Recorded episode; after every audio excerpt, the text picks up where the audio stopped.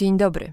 Drodzy słuchacze, czy pamiętacie ulubione smaki z dzieciństwa albo te, które do takich nie należały? Brukselka, może wątróbka, a może makaron z truskawkami i śmietaną? A co dziś już jedliście i dlaczego wybraliście takie, a nie inne dania czy przekąski? Muszę przyznać, że po tym wstępie już odczuwam głód hedoniczny. Nazywam się Kalina Gierblińska i zapraszam na kolejny odcinek Dietetyki podcastu wiedzy, który powstaje we współpracy z wydawnictwem PZWL.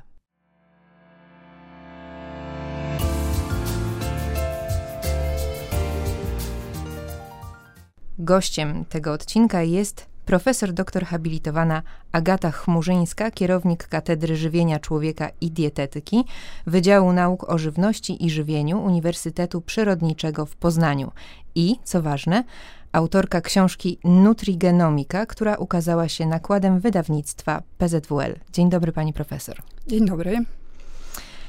Pani profesor, zacznijmy od ustalenia pewnych faktów, od pewnych definicji. Czym jest nutrigenomika i nutrigenetyka? Czy to nowa gałąź nauki, która wpisuje się w trendy medycyny? E, nutrigenomika to nauka, która zajmuje się powiązaniami pomiędzy genami i żywnością, żywieniem, składnikami pokarmowymi. I można wyróżnić kilka aspektów nutrigenomiki, czyli na przykład e, to, w jaki sposób składniki pokarmowe, które spożywamy, wpływają na aktywność naszych genów. E, nutrigenomika zajmuje się tym właśnie, żeby badać, e, jak to się odbywa, ale też e, może zajmować się tym, w jaki sposób reagujemy na składniki pokarmowe ze względu na to, jakie mamy geny, a konkretnie warianty genów. Są jeszcze inne pomniejsze aspekty nutrigenomiki, ale z grubsza właśnie tym nutrigenomika się zajmuje. E, I ta druga część, o której powiedziałam, czyli nasza reakcja na składniki pokarmowe ze względu na nasze geny, to jest część nutrigenomiki, e, która się nazywa nutrigenetyką. A w jaki sposób e, przeciętny człowiek mógłby korzystać z takiej wiedzy? Czy mógłby na przykład ustawić sobie dietę według tego, jakie ma geny? Możemy korzystać na przykład z usług firm nutrigenetycznych. Tego typu firmy oferują usługi, na przykład planów dietetycznych, które są personalizowane i one uwzględniają e, właśnie informacje o naszych genach. Do tego jeszcze na pewno przejdziemy, bo to bardzo ciekawy temat, takie personalizowane żywienie. Ale zastanawiam się również nad tym, jakie wyzwania stoją przed taką dziedziną nauki, bo ona wcale przecież nie jest nowa. Jeśli chodzi o to, czy to jest nauka nowa, czy nie, to e, z jednej strony ona korzysta już z osiągnięć innych e, dziedzin nauki i na przykład jeśli chodzi o to, tę analizę aktywności genów i o to, jak składniki pokarmowe wpływają na organizm na poziomie komórki czy molekuł, to są rzeczy już od dawna badane, tak? Bo to są e, takie kwestie, którymi zajmowała się wcześniej, czy nadal zajmuje się biochemia, czy biologia molekularna, więc w tym sensie nutrigenomika nie jest nauką nową. Ale z drugiej strony, e, to czym się zajmuje ta nutrigenetyka, o czym wcześniej powiedziałam, to jest kwestia raczej nowa, tak? Że zwróciliśmy uwagę na to, że reagujemy na składniki pokarmowe nie tylko ze względu na to, jaka jest nasza płeć, e, wiek i tak dalej, ale też, e, że pewne warianty genów mogą kształtować właśnie tę reakcję.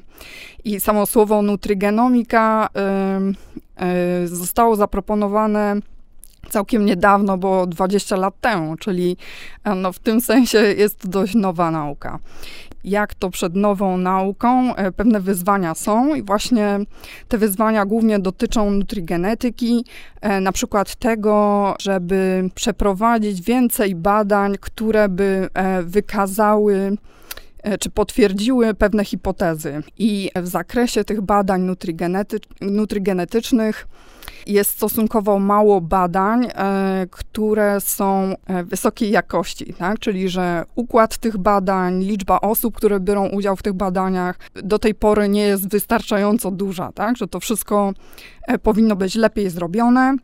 Powinno być więcej tego typu badań, ponieważ są to dość złożone rzeczy. I różne czynniki wpływają na wyniki tego typu badań, więc jest pewne zamieszanie w tej kwestii. To przejdźmy może też do e, kolejnej definicji, e, sformułowania, które bardzo często pojawia się w książce którą pani profesor wydała w wydawnictwie PZWL pod tytułem Nutrigenomika, a mianowicie chodzi mi o informację genotypową. Do czego się ją wykorzystuje? Jeśli chodzi o to, czym jest w ogóle informacja genotypowa, czy w ogóle genotyp, to jest to informacja o tym, jakie mamy konkretnie warianty genów. Bo jest tak, że wszyscy co do liczby mamy te same geny, tak? Musimy te geny mieć, żeby nasz organizm powstał i prawidłowo funkcjonował ale jeśli chodzi o to, jakie te geny są co do jakości, można tak powiedzieć, to one mogą być różne, tak? Czyli każdy gen może występować w różnych wersjach i te wersje odpowiadają za to, że różnimy się pod względem cech. I to, jakie konkretnie y, warianty genów mamy, to jest genotyp, a nutrigenetyka zajmuje się tym, żeby wykorzystać właśnie informacje o tym, jakie te warianty genów mamy, czyli jakie mam, jaki mamy genotyp. No to jest ta informacja genotypowa czyli to, jakie warianty genów posiadamy. I w jakim sensie możemy tę informację genotypową wykorzystywać w kontekście nutrigenomiki? Jeśli chodzi o wykorzystanie tego rodzaju informacji, to można to zrobić na kilka sposobów. Po pierwsze, możemy e, starać się oszacować czy przewidzieć, e, jaka będzie konkretna cecha. I teraz w kontekście jakichś chorób medycyna można powiedzieć, od zawsze e, stara się przewidzieć, czy ktoś będzie chory, czy nie. I możemy e, taką nowość wprowadzić, jak e, wykorzystanie właśnie informacji o genach do tego, żeby oszacować ryzyko wystąpienia e, choroby. I e, można to zrobić w prosty sposób, to znaczy wykorzystać informacje o jednym genie, o kilku, a najlepiej wziąć pod uwagę jak najwięcej takich genów, tak? Czyli szacując ryzyko wystąpienia choroby, bierzemy pod uwagę właśnie tę informację genotypową. I tak naprawdę w kontekście nutrigenetycznym to jest raczej marzenie, można powiedzieć, bo w przypadku większości chorób, które są związane związane z żywieniem. Ich podłoże jest bardzo złożone i trudno wykorzystać informację genotypową e, do tego celu, żeby robić takie przewidywania o zachorowaniu. Są przypadki, e, kiedy choroba zależy tylko od jednego genu, i wtedy to wykorzystanie informacji genotypowej w takim kontekście jest prostsze. Tak? Czyli, że wiemy, że na przykład jakiś jeden gen jest nieprawidłowy i wtedy wiąże się to niemal w 100% z tym, że ktoś zachoruje, w uproszczeniu mówiąc. Czyli e, możemy wykorzystywać informację genotypową do przewidywania tego, jaka będzie jakaś cecha, czyli właśnie tą cechą jest choroba, ale może e, tą cechą być też zapotrzebowanie na składniki pokarmowe. Tradycyjna mm, nauka o żywieniu też w gruncie rzeczy tym się zajmuje, prawda? Żeby stwierdzić, ile powinniśmy e, jeść jakichś składników pokarmowych, ile jakichś produktów. I w takim kontekście też możemy wykorzystywać informację genotypową i tym właśnie zajmuje się to personalizowane żywienie, czy też nutrigenetyka, tak? Czyli wiedząc, że mamy różne warianty jakichś genów odpowiedzialnych na przykład za przetwarzanie jakichś składników pokarmowych, za ich absorpcję czy tego typu rzeczy, mm, to wykorzystując wiedzę o tych genach, chcielibyśmy stwierdzić, czy ktoś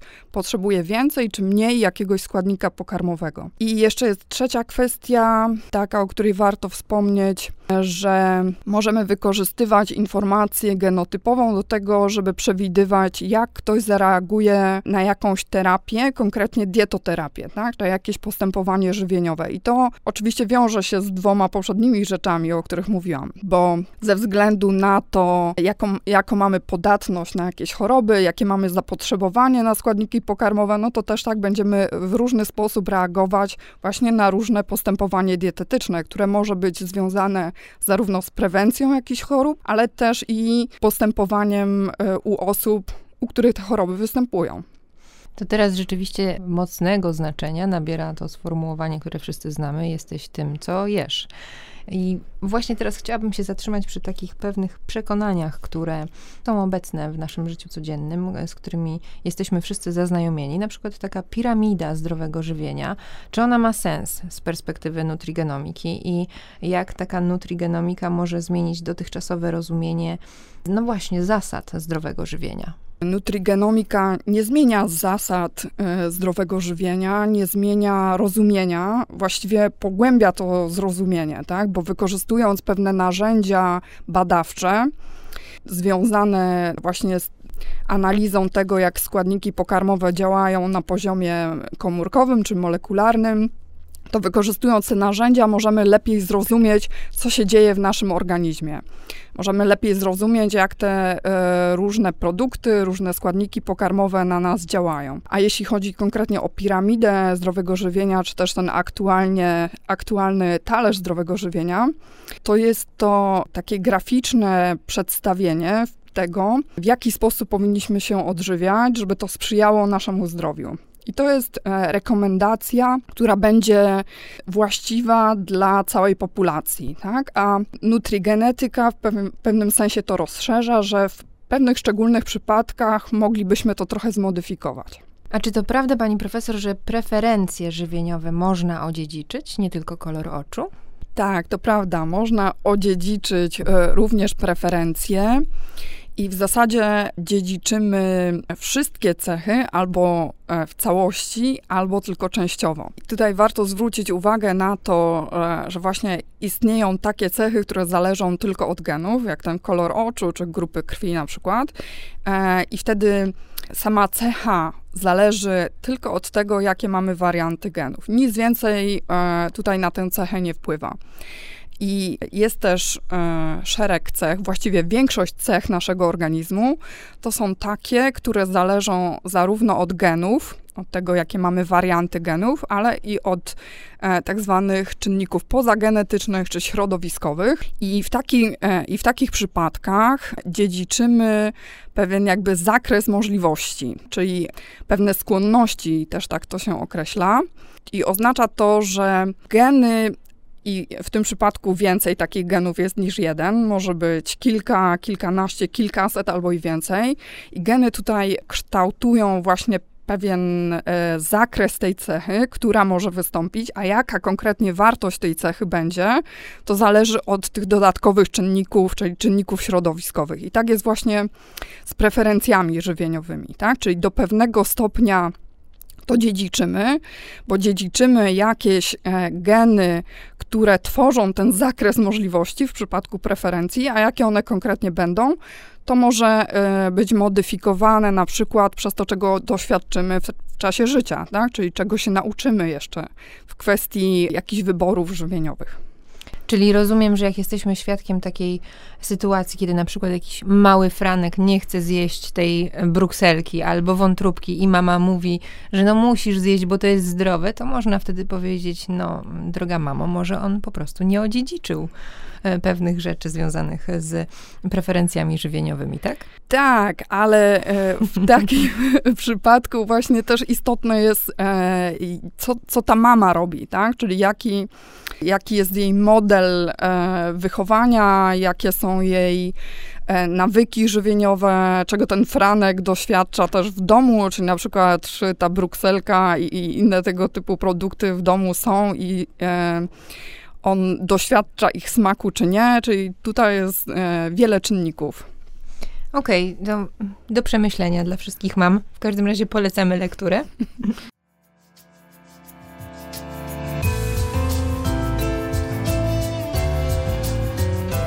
Dietetyka. Podcast wiedzy.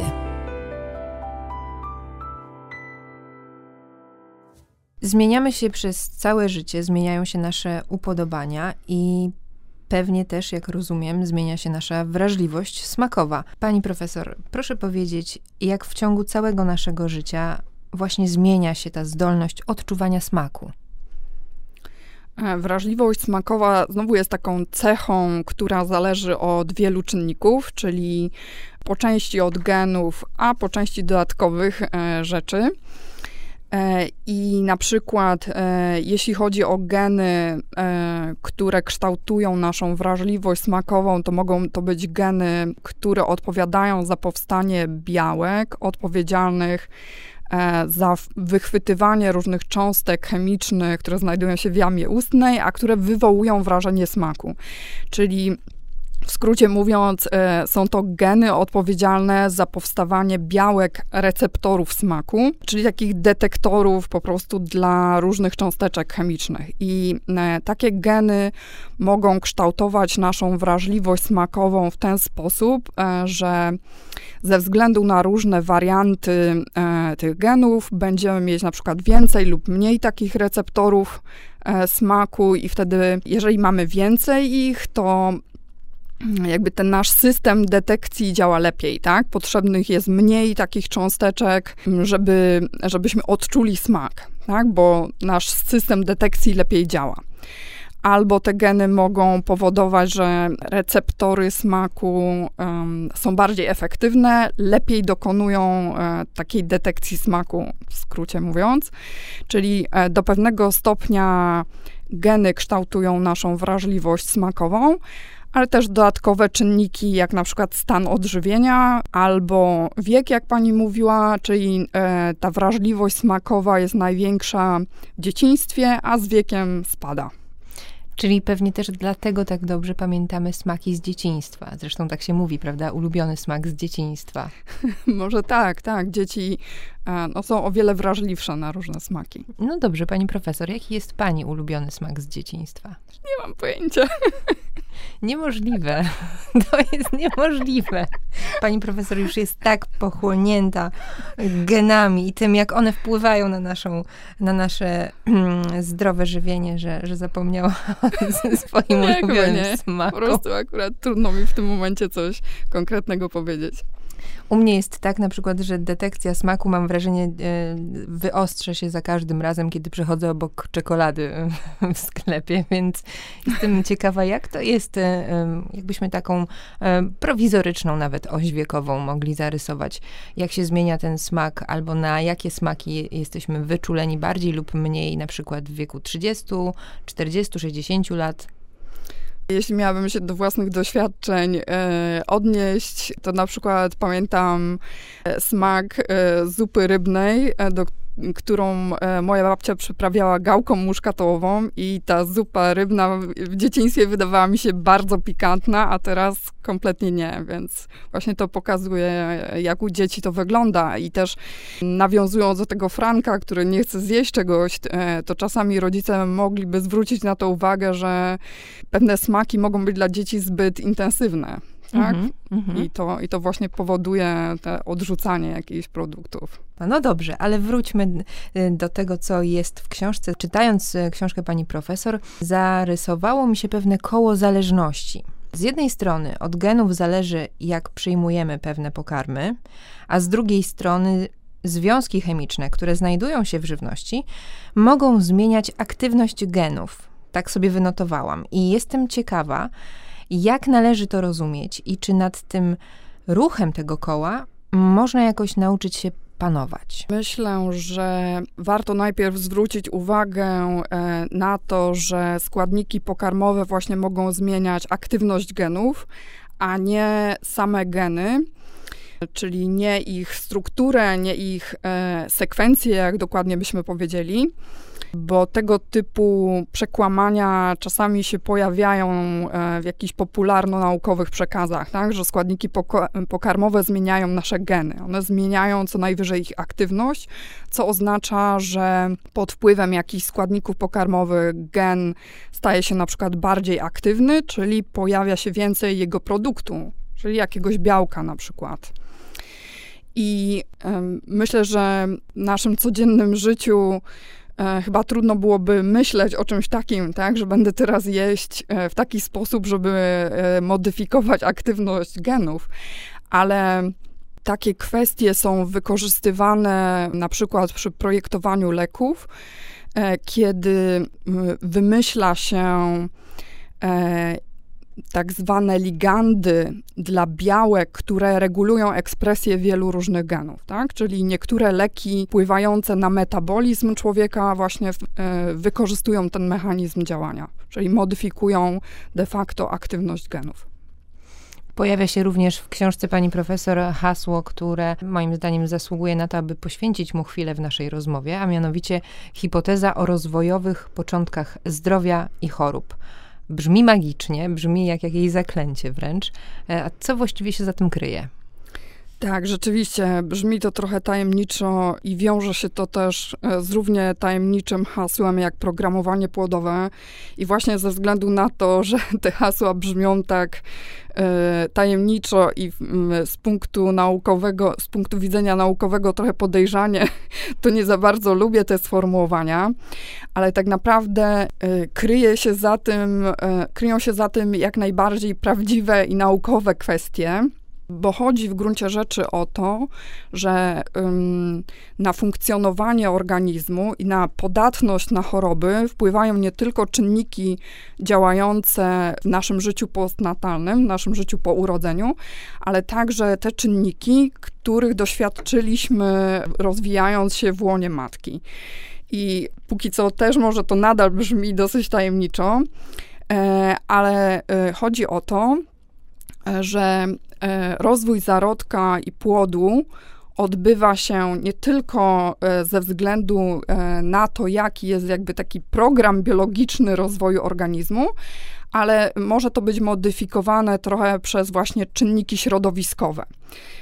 I w tym przypadku chodzi oczywiście o to, jakie jest środowisko rozwoju płodu, tak? czyli to, jakie środowisko tworzy matka. I może Mogą tutaj e, być istotne też e, czynniki żywieniowe, czyli na przykład to, jak e, kobieta ciężarna się odżywia, jaki jest stan jej zdrowia i tak dalej. Tak? Czyli te czynniki będą modyfikować nasz rozwój i przez to spowodują, że e, będziemy mieli jakieś określone cechy w życiu postnatalnym. I w ramach tych cech oczywiście jest też podatność na jakieś choroby. Tak? Czyli to są te początki e, chorób w życiu prenatalnym, tak? bo ze względu na jakieś czynniki jesteśmy na przykład bardziej podatni na rozwój otyłości bądź mniej. Czyli są tu jak najbardziej e, naukowe kwestie i to się nazywa tak hipotezą, e, jest też nazywane hipotezą Barkera od nazwiska osoby, która e, tę hipotezę zaproponowała, ale ona została już wielokrotnie potwierdzona. Czyli, jak rozumiem, pani profesor poleciłaby przyszłym mamom korzystać z takiego dobrodziejstwa, jakim jest personalizowane żywienie. Tak, choć e, oczywiście jeśli przyszłe mamy wezmą pod uwagę zalecenia żywieniowe, takie ogólne, to też nie będzie źle. To czym zatem jest personalizowane żywienie? Jak to rozumieć? E, są e, różne, mm, różne formy personalizowanego żywienia, można powiedzieć różne poziomy personalizacji. I w pewnym sensie to, y, co oferują w tym momencie dietetycy, już jest e, personalizacją, tak? Bo e, po drugiej stronie mamy zalecenia takie ogólnopopulacyjne, czyli na przykład to, o czym żeśmy mówiły wcześniej, ta piramida zdrowego żywienia czy talerz zdrowego żywienia. E, to są zalecenia, że tak powiem, dla każdego, tak? I też tak zwane normy żywienia, one są dla całej populacji. A w przypadku personalizacji bierzemy pod uwagę dodatkowe elementy, które są charakterystyczne dla danej osoby albo dla jakiejś e, mniejszej grupy osób. I tu możemy wziąć pod uwagę różne czynniki, na przykład um, nasze preferencje żywieniowe, tak? Czyli możemy tworzyć jakieś plany dietety dietetyczne, uwzględniając to, e, co pacjent czy klient w ogóle lubi jadać. Możemy brać pod uwagę wyniki badań biochemicznych, czyli też dietetycy aktualnie coś takiego robią, prawda? Zlecają y, wykonanie badań, na przykład stężenia glukozy, czy tak zwany profil lipidowy i do tego y, mogą dostosować zalecenia. Też często wykonuje się analizę składu ciała, więc te wszystkie parametry mówią, jak lepiej dostosować ten plan żywieniowy do konkretnej osoby. I oprócz tego możemy wziąć pod uwagę cały szereg innych danych pochodzących z bardziej zaawansowanych analiz, e, tak zwanych analiz omicznych, tak? czyli mamy na przykład nutrigenomikę, ale też mamy e, metabolomikę czy proteomikę. E, to są e, nauki, które zajmują się, czy metody badań, które zajmują się globalną analizą pewnego typu e, związków chemicznych, czyli metabolomika będzie analizować metabolity, które w organizmie występują. I na przykład tego rodzaju dane możemy y, uwzględnić przy personalizacji. Albo różne dane pochodzące z aplikacji na urządzenia mobilne, które też e, w takiej personalizacji żywienia się, się wykorzystuje. Czyli w gruncie rzeczy jakby jest nieograniczony zakres danych, które możemy wziąć pod uwagę, które będą charakteryzować daną osobę. I e, które w takiej personalizacji można uwzględnić. Nieograniczony w tym sensie, że no, możemy wymyślać e, coraz to nowe parametry, które będziemy tutaj brać pod uwagę i w tym momencie e, w zasadzie nie wiadomo, e, z jednej strony, ile takich danych e, wystarczy, żeby taką personalizację robić i co jeszcze można by uwzględnić, a co nie.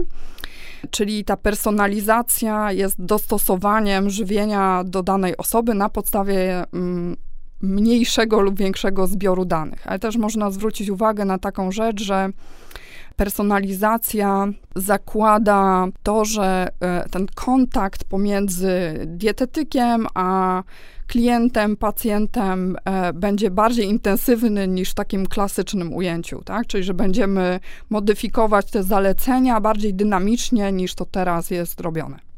Postawię teraz pytanie pani profesor, które pojawia się w książce cytuję, czy personalizowane żywienie i poradnictwo żywieniowe jest bardziej skuteczne niż niepersonalizowane.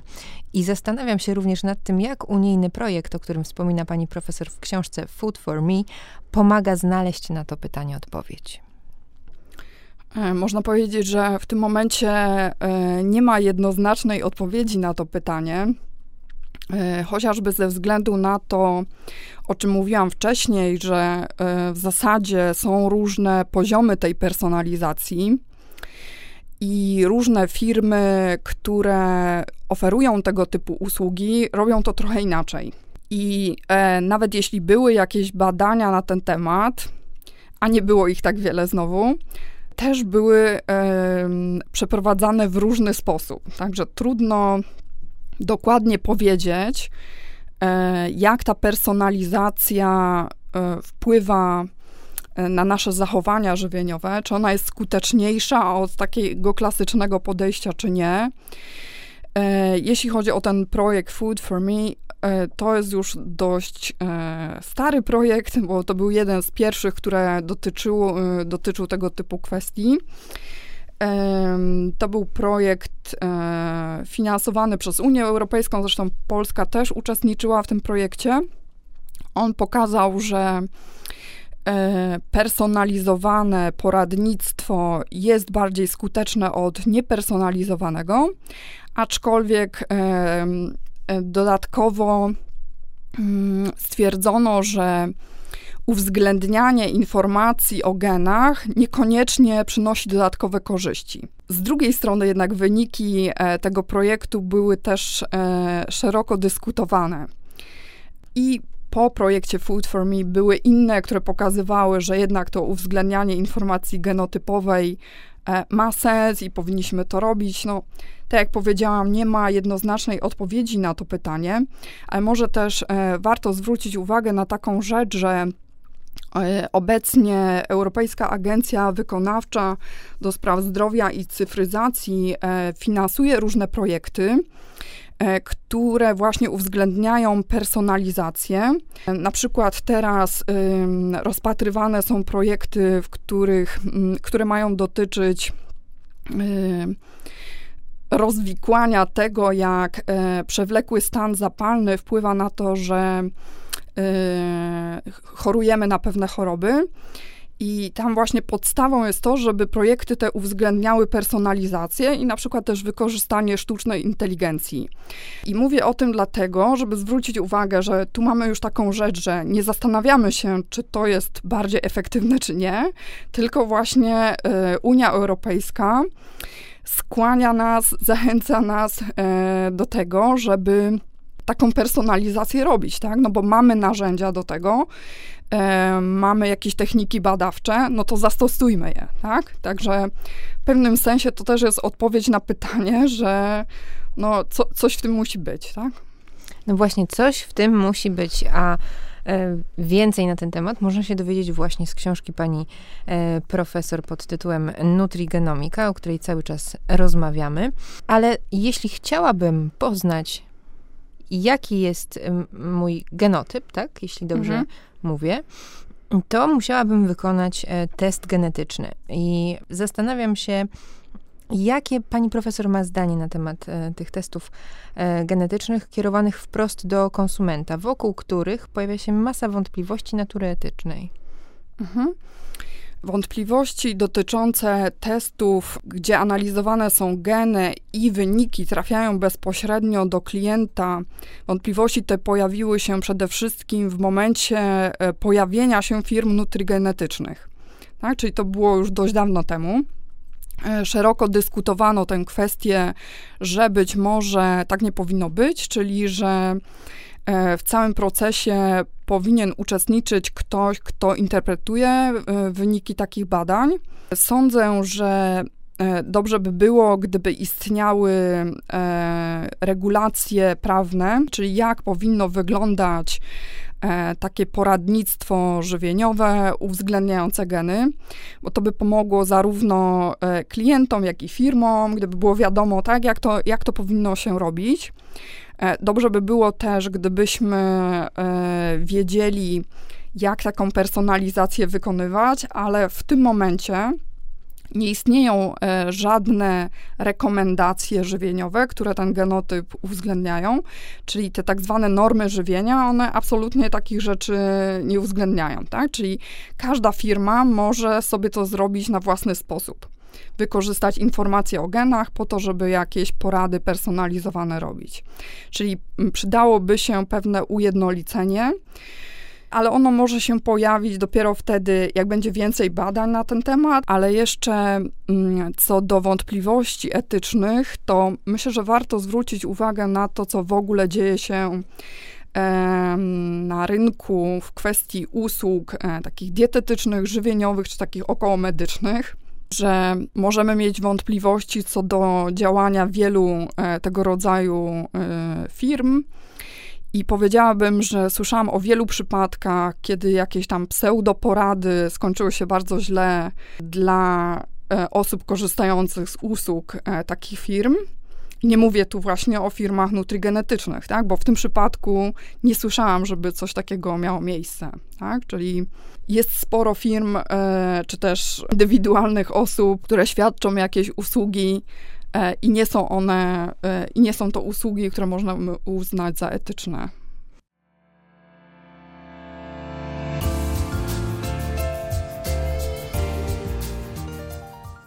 W jaki sposób nutrigenomika może zrewolucjonizować sport?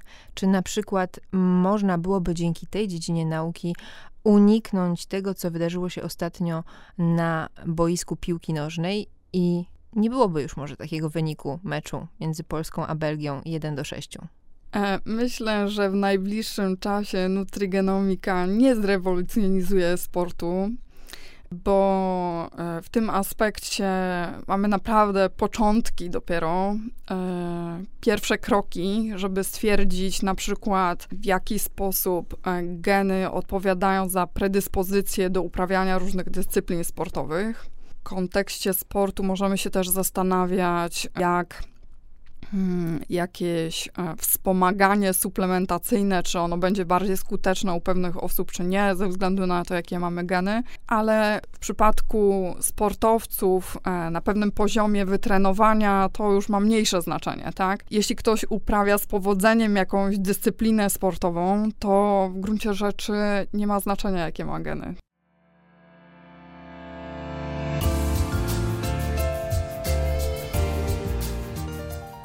Muszę dopytać o smaki. Wyróżnia się pięć podstawowych smaków, prawda? Jakie to są? Tak, mamy smak słodki, słony, gorzki, kwaśny i umami, a oprócz tego dyskutuje się już od dawna o różnych innych, mniej znanych smakach. W ostatnim czasie też trwały dyskusje nad tym, czy istnieje coś takiego jak smak tłusty, czy nie. I można powiedzieć, że w tym momencie już mamy taki konsensus, że, że ten smak istnieje, tak? że mamy zdolność do wyczuwania zawartości tłuszczu w pokarmie, też tak można to ująć. I czy za tę zdolność też odpowiadają geny? No tak, tak, częściowo tak. Tak jak, tak jak za wszystkie cechy, jak powiedziałam, e, w, części, lub całości geny odpowiadają. Ja jeszcze tego smaku nie widziałam, nie zwęszyłam go w żadnej lodziarni, więc e, kto nas słucha i ma ochotę e, zrobić kolejną rewolucję smakową, to lody o smaku tłustym, może ktoś by się na to i pokusił. Nie wiem, czy pani profesor by takie jadła? Myślę, że sporo osób właśnie y, lubi różne produkty, które mają więcej tłuszczu, tak? Bo one na przykład mają też taką bardziej przyjemną konsystencję, tak? Są takie bardziej kremowe e, i dlatego nam lepiej smakują. Hmm. Czyli jednak jest coś do przemyślenia. Bardzo dziękuję pani profesor za to spotkanie. Państwa i moim gościem odcinka Dietetyki podcastu wiedzy, który powstaje przy współpracy z wydawnictwem PZWL, była profesor doktor habilitowana Agata Chmurzyńska, człowiek, który o genach i żywieniu wie wszystko, autorka książki Nutrigenomika, która ukazała się właśnie nakładem wydawnictwa PZWL. E, pani profesor jest kierownikiem Katedry Żywienia Człowieka i Dietetyki Wydziału Nauk o Żywności i Żywieniu Uniwersytetu Przyrodniczego w Poznaniu, a my rozmawiałyśmy o detekcji smaku, no właśnie o smaku tłustym, e, o metabolomice, to jest bardzo ciekawe słowo, i zachęcam Państwa wszystkich do tego, by się przyjrzeć temu, co ląduje na naszym talerzu i zastanowić się, co na to wszystko nasze geny. Dziękuję bardzo za rozmowę. Dziękuję.